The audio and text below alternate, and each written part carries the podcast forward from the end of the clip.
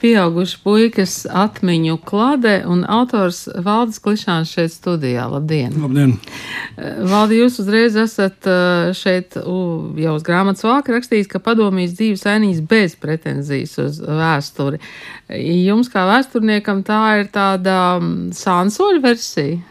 Jā, jā, tieši tā.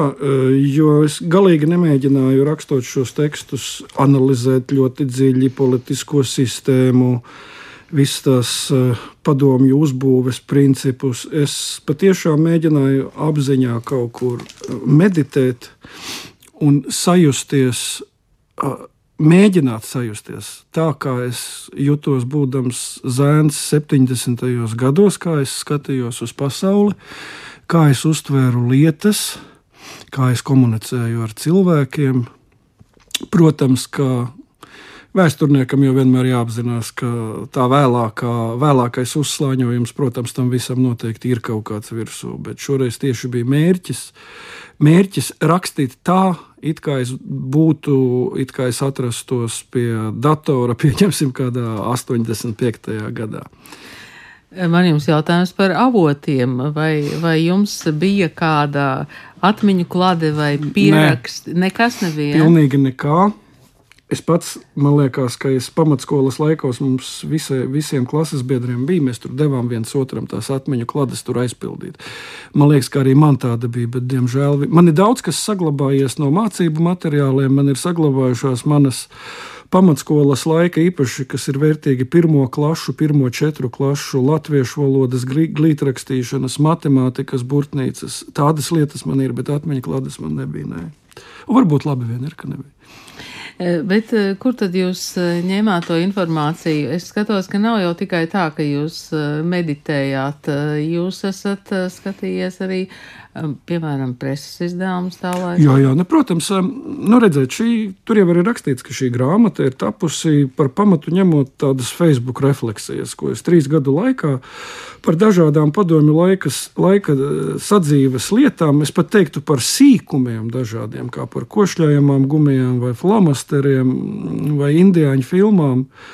Es taisīju tādus mazus Facebook komentārus, postus, bet tā jau bija tā lielā problēma Viena lieta ir Facebook, bet pilnīgi savādāk tas sāk izskatīties, ja viņu liek uz papīra grāmatā, un tad šādi te pilnīgi haotiski. Haotiski komentāri, es domāju, viņi lasītājam neradītu pārāk pievilcīgu to ainu. Uh, Un tad, protams, ka es mēģināju viņus komplektēt pa tematiem, šos savus vecos, nu, ne vecos, teiksim, tā, trīsgadīgos, divgadīgos ierakstus, un apaudzēt ar kaut ko. Un tāpēc es arī atlasīju interesantākos eh, turpat Facebook draugu komentārus, kas man likās, ka vai nu papildina, vai kaut kur apstrīd manis teikto. Es papildināju ar tā laika anekdotēm, un, protams, ka es arī diezgan piesēdēju periodikā LV, eh, un arī man ir mājās un laukos, man ir vaidieņi, man ir milzīgas žurnālu, eh, padomu laika žurnālu liesma, zvaigzne, kino krājumi, kurus es vasaras karstajos mēnešos, kad ārā nevar iziet 30 grādos, tad es tā sēžot istabā, arī caurlapoju tos, meklējams kaut kādas tādas interesantākās, raksturīgākās epizodes, kas saskan ar to, ka, ko es tā kā gribu teikt.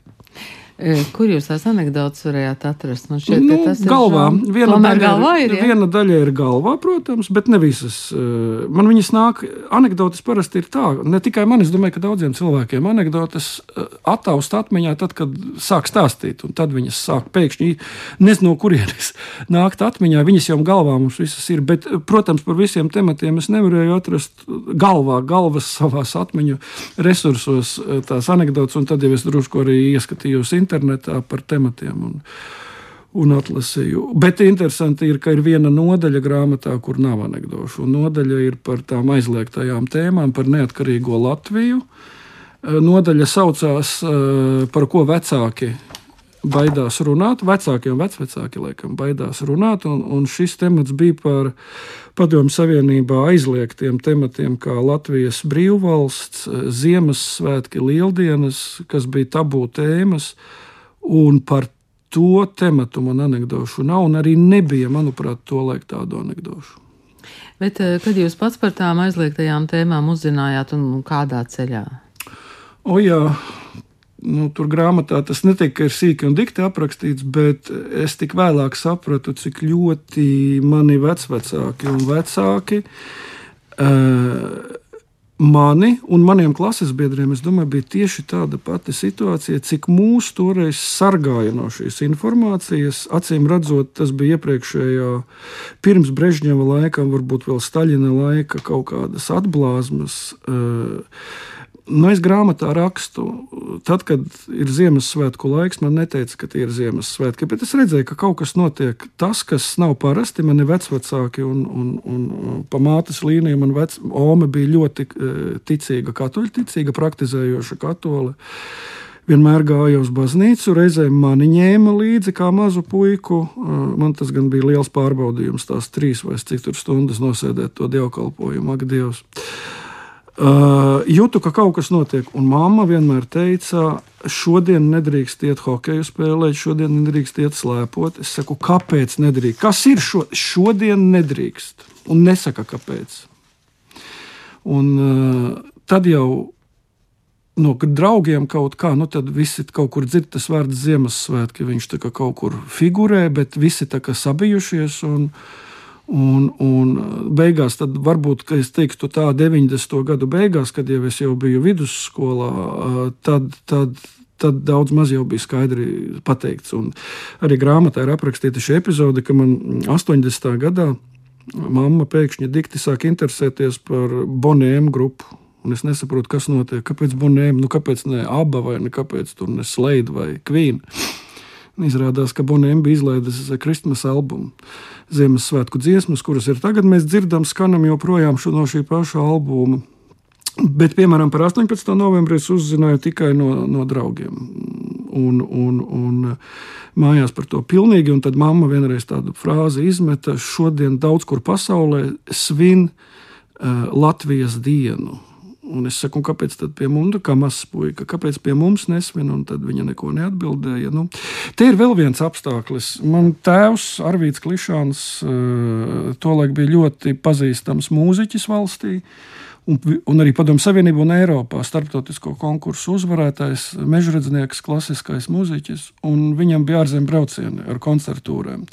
Un tad es domāju, ka viņš baidījās arī, ka visa tā dokumentu kārtošana, visu radu rakstu pārbaudīšana, un mums ģimenē bija mana tēva mammas brālis bija Austrālijā, emigrants, un, un otrs brālis bija leģionā un kritis Lestenē. Es domāju, ka ļoti baidījās, lai kaut kāda šāda informācija nenonāk, kā toreiz teica, orgānos, un, un, un varbūt tāpēc īpaši piesargājās. Jā, bailes un, un sargāšana vairāk kārt jau izskan tajā, ko jūs sakāt. Un, uh, Man reizēm ir tāds sajūta, ka varbūt arī skolotāji mūs sargāja, vai, vai patiesībā skolotāji izlikās neredzam, ko mēs darām. Nu, vismaz tā es varu no, no savas skolas pieredzes skatoties ar, ar tagadējām acīm. Viņi vienkārši izlikās neredzami, un nu, mēs tur turpinājām kaut ko darīt. Es domāju, ka skolotāji arī bija ļoti dažādi. Un, un, un es tagad arī mēģinu no šodienas viedokļa, mēģinu atcerēties tos savus skolotājus. Es domāju, tie bija dažādi. Uh, Un bija kāda tāda, tāda skolotāju teiksim, daļa, kā jūs teicāt, bet es teiktu, ka bija arī noteikti tādi rikti. Piemēram, mana skolas direktore, eh, tolaik ļoti slavena pedagoģe, Rīgas 39. vidusskolas direktore Irēna Bitlere. Viņa bija tāda riktīga nacionāla komuniste, bet nacionāla komuniste. Jā. Viņa bija ļoti komunistiski noskaņota, bet varēja just kā arī tāda nacionāla stīga. Bija, tagad es tikai tā iedomājos, ka kaut kas varbūt tur atcīt uz to 59. gadu, jau uz visām krūmiņa, Barklava lietām. Viņu ļoti respektēja Rīgā. Viņa bija barga no viņas, visi baidījās. Reizēm tās viņas runas bija, nu, piemēram, par kožļājamām gumijām, kā viņa kliedza, kā amerikāņi žļembā šīs gumijas slepkavojot vietnamiešu bērnus. Ja, tā bija cieņa pret kožļājamām gumijām. Bet no otras puses, es atceros viņai rei, vairākas reizes stundās kā, kaut kas tāds, nu es arī pats kā pedagogs varu pateikt, ir tādi brīži, kad tev kā parāda kaut ko vaļā, kaut kādas zināmas bremzes, kas tev ir, un tu sāc runāt no sirds, un vienreiz es atceros, viņa ļoti emocionāli runāja nu, ka latviešiem jāstājās partijā, ja mēs gribam saglabāt latviskumu, tad mums jāiet kompartijā, komjaunatnē, un, un nu, respektīvi šī līnija, kas varbūt Lietuvai bija ļoti raksturīga, jā, 60. un 70. gados. Un bija skolotāji, kas bija absolūti eh, teiksim, sistēmas cilvēki. Man viena no tādām, es pat neatceros, kāda viņa izstāsta, bet mums bija krievu valodas skolotāja, kura stāstīja, kā viņa maza meitene cīnījusies ar fašistiem un šāvusi viņus ar ložmetēju tur bariem. Mēs pat tādi mazi bērni būdami, mēs smējāmies. Nu, mēs sapratām, ka tantei riktīgi kaut kas galvā ir kaut kādi putni. Skolotāji, kā visi cilvēki, bija dažādi, es domāju. Jūsu grāmata un arī šī saruna parāda vaļā arī kaut kādu manu atmiņu klādi, un, un šajā brīdī man ienāca prātā mana krievu valodas un literatūras skolotāja, kur varēja fantastiski runāt par Puškinu. Un vienā brīdī viņi iestājās interfrontē, kad es jau biju skolu beigusi. Ja, tā kā tie skolotāji tiešām ir tikpat dažādi kā cilvēki. Bet varbūt ne par tik nopietnām lietām. Uh, Man jūs jautājums, kā jūs cenas varējāt atcerēties? Tur, piemēram, nu, es saprotu, ka žiguls tas ir nopietni. Jā? Nu, cenas es aptuveni, tās precīzās cenas, tāpēc es arī nevienmēr tur pats viņas saucu. Viņas ir pie vēstures faktiem. Es jau arī paskatījos internetu resursos un, un, un Eh, kur tādu informāciju var atrast. Bet pa lielam tie skaitļi kaut kur ir palikuši atmiņā. Jo, piemēram, es atceros, ka Zaporožets maksāja ap 3000 rubļu. Es zinu, ka man tēvs 70. gadu sākumā visa ģimene krāja un pat aizņēmās nepietiekamo summu, tos 3000 rubļu. Tāpēc man kaut kādi nu, tas 3000 ir palikuši atmiņā. Un tad, kad Zaporožets jau bija nobraukts un, un, un, un, un arī cietis vairākās avārijās un remontēts, tad uh, tēvs nobrieda tam tolaik likās, ka mūža lielākajam pirkumam, Luks Žigulim, Luksiņam saucamajam. Un tad man ir atmiņā tā cena, ka tas bija kaut kur ap 6000. Bet, protams, plus mīnus es nevaru pateikt. Un savukārt manam mātes brālim, manam krustēvam, bija laiva progress Baltazara kanālā, nu, Juglā, kur ir laiva kooperatīvs, kurš, starp citu, joprojām ir tāda ļoti interesants relikts, joprojām tur atrodas. Tad es atceros, ka laiva progress maksāja kaut kur ap 1300, 1500 rubļus. Nu, tā viņas man ir palikušas cenas, bet mūsdienās jau liela problēma nav precizēt šīs lietas. Tas ir vienkārši fotografija izdarīta Leņņģeradā, kur bija gan šie, visi šie Leņķina portreti un visa padomu laika radiotehnika. Un VF Sigma tas ir aparāts, tas ir tas, ko radu, ražoja VF rūpnīcā. 80. Eh, gados labs rādio, bet vienkārši dramatisks magnetofons. Viņš vienkārši neskanēja gandrīz nemaz. Viņš bija nebaudāms. Un ar viņu man eh, personiskas tādas atmiņas ir. Mana mamma bija nobriedusi uz šo VF sigmu, paklausot reklāmām, cik lielisks tas ir magnetofons. Un es teicu, mamma, nevar būt šis kasetnieks, mono, tur nekas nebūs. Jo es jau biju tāds liels audio tehnikas pārzinātājs, un viņa tomēr iespītējās, viņa nopirka to aparātu. Tā arī bija, man bija taisnība. Viņš, kā, nu, viņš bija tikai kā nu, tas pats vefiņš, jā, uztvēra visus viļņus un varēja Poliju un Luksemburgu klausīties un Amerikas balsi klausīties, bet audio iekārta bija baisa. Tie komentāri no Facebook, vai jūs eh, komentārus saņemat arī tagad, kad grāmata ir iznākusi? Jā, Un pat reizēm nepubliskus, bet eh, tas vispār ir interesanti. Es, eh, man šovasar iznāca arī cita grāmata, man iznāca ievads Ukraiņas vēsturē, un es saņēmu messengerā dažādus jautājumus, bet tie nav publiski cilvēki, kuri ir Facebookā, nu, kuri, kuriem skaitās man draugi, Facebook draugi, viņi arī uz, atļaujās uzrakstīt kādus jautājumus. Tad bija tā, ka es arī šovasar atbildēju publiski. Tur, šobrīd es esmu Messengerā saņēmis piemēram vienu interesantu precizējumu, ka degvīna cena man tur ir nepareiza par kaut kādām kapekām. Ja? Bet tāpēc es arī grāmatā esmu licis šo apakšvirsrakstu bez pretenzijas uz vēsturi. Tās ir manas atmiņas. Uh, Un, un tas nav statistisks kaut kāds izziņu krājums. Cenas patiešām var kaut kur svārstīties, lai gan es mēģināju noprecizēt, cik vien var, pārbaudot dažādos informācijas avotos. Cenas taču tolaik bija stingri noteiktas, valsts noteiktas. Ja nav tā kā tagad, kad cena mainās pa dienām un stundām. Cenas bija gadiem nemainīgas, bet pa gadiem lielākos gadu atstatumos tās cenas varēja pamainīties. Jā, vai nu uz augšu, uz leju pa kaut ko. Nu, tad es saņēmu norādījumu, ka degvīna cena tur ir bijusi ar kaut plus mīnus kaut kādu, es tagad neatceros, ar kļūdu kaut kādu desmit kapeikas. Tas pēdējais teikums grāmatā ir, ka padomjas pieredze mums neļauj būt naiviem, kādi nereti ir mūsu vienaudži rietumos. Sakiet, vai um, nu, šī laika jaunieši ir naivi? Vai absolūti nē? Jaunieši ir dažādi, protams, tāpat kā skolotāji Jā. bija un ir. Un jaunieši ir dažādi, kā jebkura vecuma grupa un jebkura sabiedrības populācija. Es teiktu, ka viņi ir mazāk naivi nekā bija mana paudze, jo jaunieši dzīvo ļoti daudzveidīgā un iekšēji pretrunīgā informācijā. Tātad, jebkuru informāciju jaunieši šobrīd pilnīgi automātiski salīdzina ar citu Protams, ar viņiem var manipulēt, bet es domāju, daudz grūtāk ar viņiem manipulēt nekā manipulēja ar manu paudzi. Jo es, piemēram, vienmēr domāju, ka ne tikai mana, bet manu vecāku paudze patiesībā ticēja pilnīgi visam, kas bija drukātiem burtiem. Tā ir tāds fenomens. Ja tas ir uzdrukāts, nu, jo atceramies, padomju laikā rakstā mašīnas arī bija zem kontrolētas. Tika. Tas, kas ir drukāts, tas, kas ir avīzē, tātad tas ir oficiālais viedoklis. Tā, nu, labi, varbūt iekšēji arī ne jau daudzi, kas bija pieredzējuši senākus laikus un, un karu un varu maiņas. Uh, Bet pa lielam bija ļoti liela ticība šim drukātajam vārdam. Tātad, ja tas ir drukāts, tas ir oficiāls viedoklis. Nu, varbūt manai paudzei tas viss tā, paldies Dievam, jau 80. gados beidzās. Bet es teiktu, ka tagadējā paudze ir mazāk naiva. Bet eh, es tos ar tiem rietumniekiem, ko, kas tur ir pieminēti, nu, bieži savā profesionālajā karjerā tiekoties dažādās konferencēs, semināros ar vienaudžiem kolēģiem no, no, no Francijas, no Zviedrijas no Norvēģijas.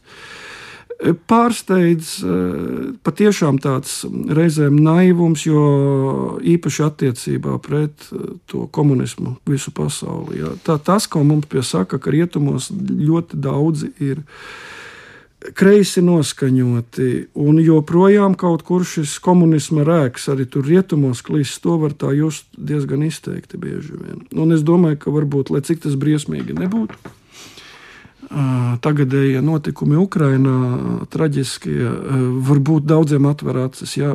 Arī starp citu par šo Krievijas draudu.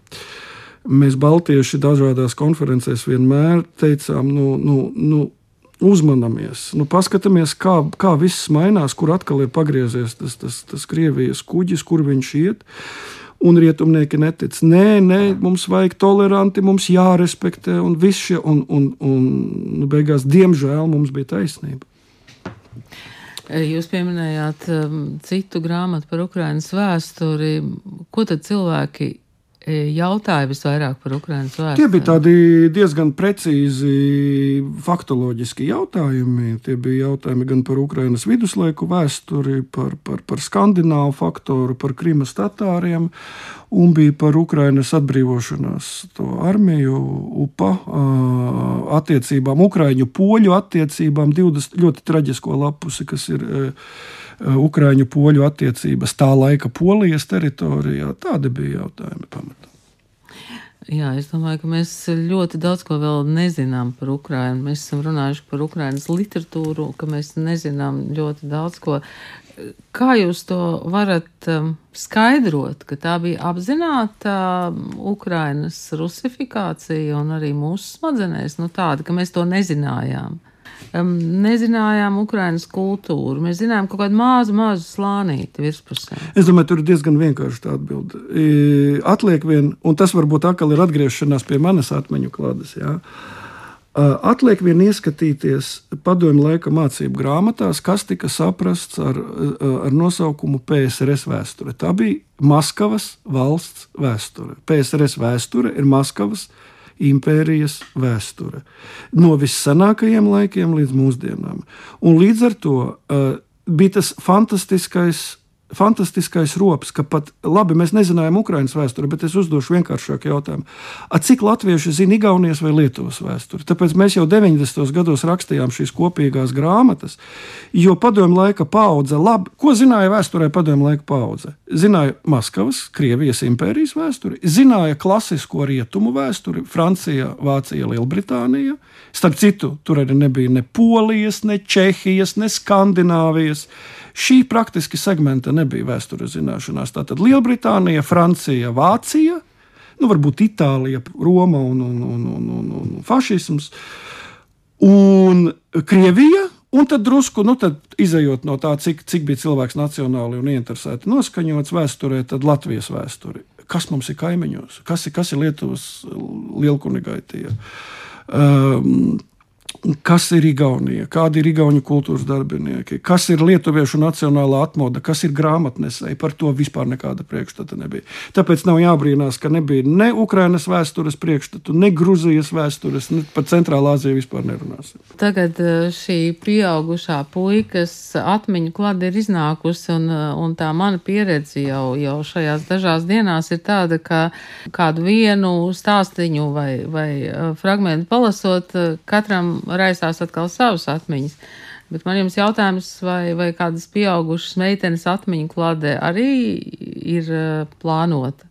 Nu, tas ir atkarīgs no ja kāda pieaugušā padomu laika meitene saņemsies šādu atmiņu klādi rakstīt, šādu vai savādāku. Ja, nu, tas jau ir ļoti individuāli.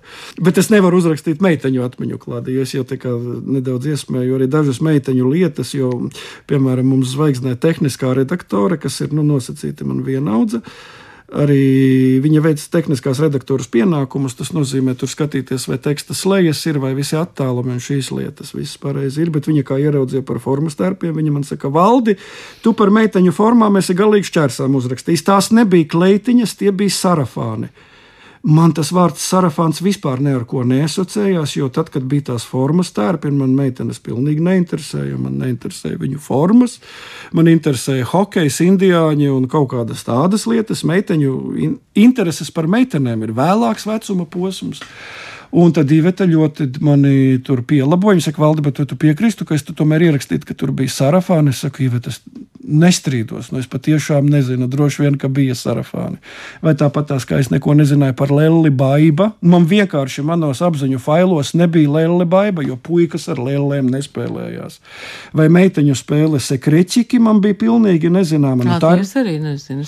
Jā, jā, izrādās man pēc tam apgāda vadītāja Vieka Ilbloka teica, kā tu nezini sekreķikus, tie ir tādi tā, slēpa tādas, tādas nu, mazus ziediņus, tādās tā kā stiklā ietaisītus, tādus kaut kādus. Eh, es tādus esmu dzīvē atradis, un es nevarēju saprast.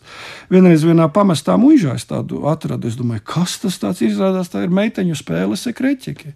Bet varbūt radio klausītāji pat es baidos izgāzties, zinās labāk. Paldies jums par šodienas sarunu. Paldies par to, ka mēs varam tās, tās atmiņas eh, turpināt redzēt. Un droši vien, ka saviem bērniem un mazbērniem pastāstīt, tad, kad viņiem būs interesanti, viņi paskatīsies, kādas mūsu laikos ir bijušas kožļenes frizūras eh, un, eh, un kādas sulas ir dzertas no, no kādiem traukiem. Paldies jums! Valdes Klišāns bija šeit studijā, pieauguša puikas atmiņu klade, padomīs dzīves ainiņas bez pretenzijas uz vēsturi. Paldies!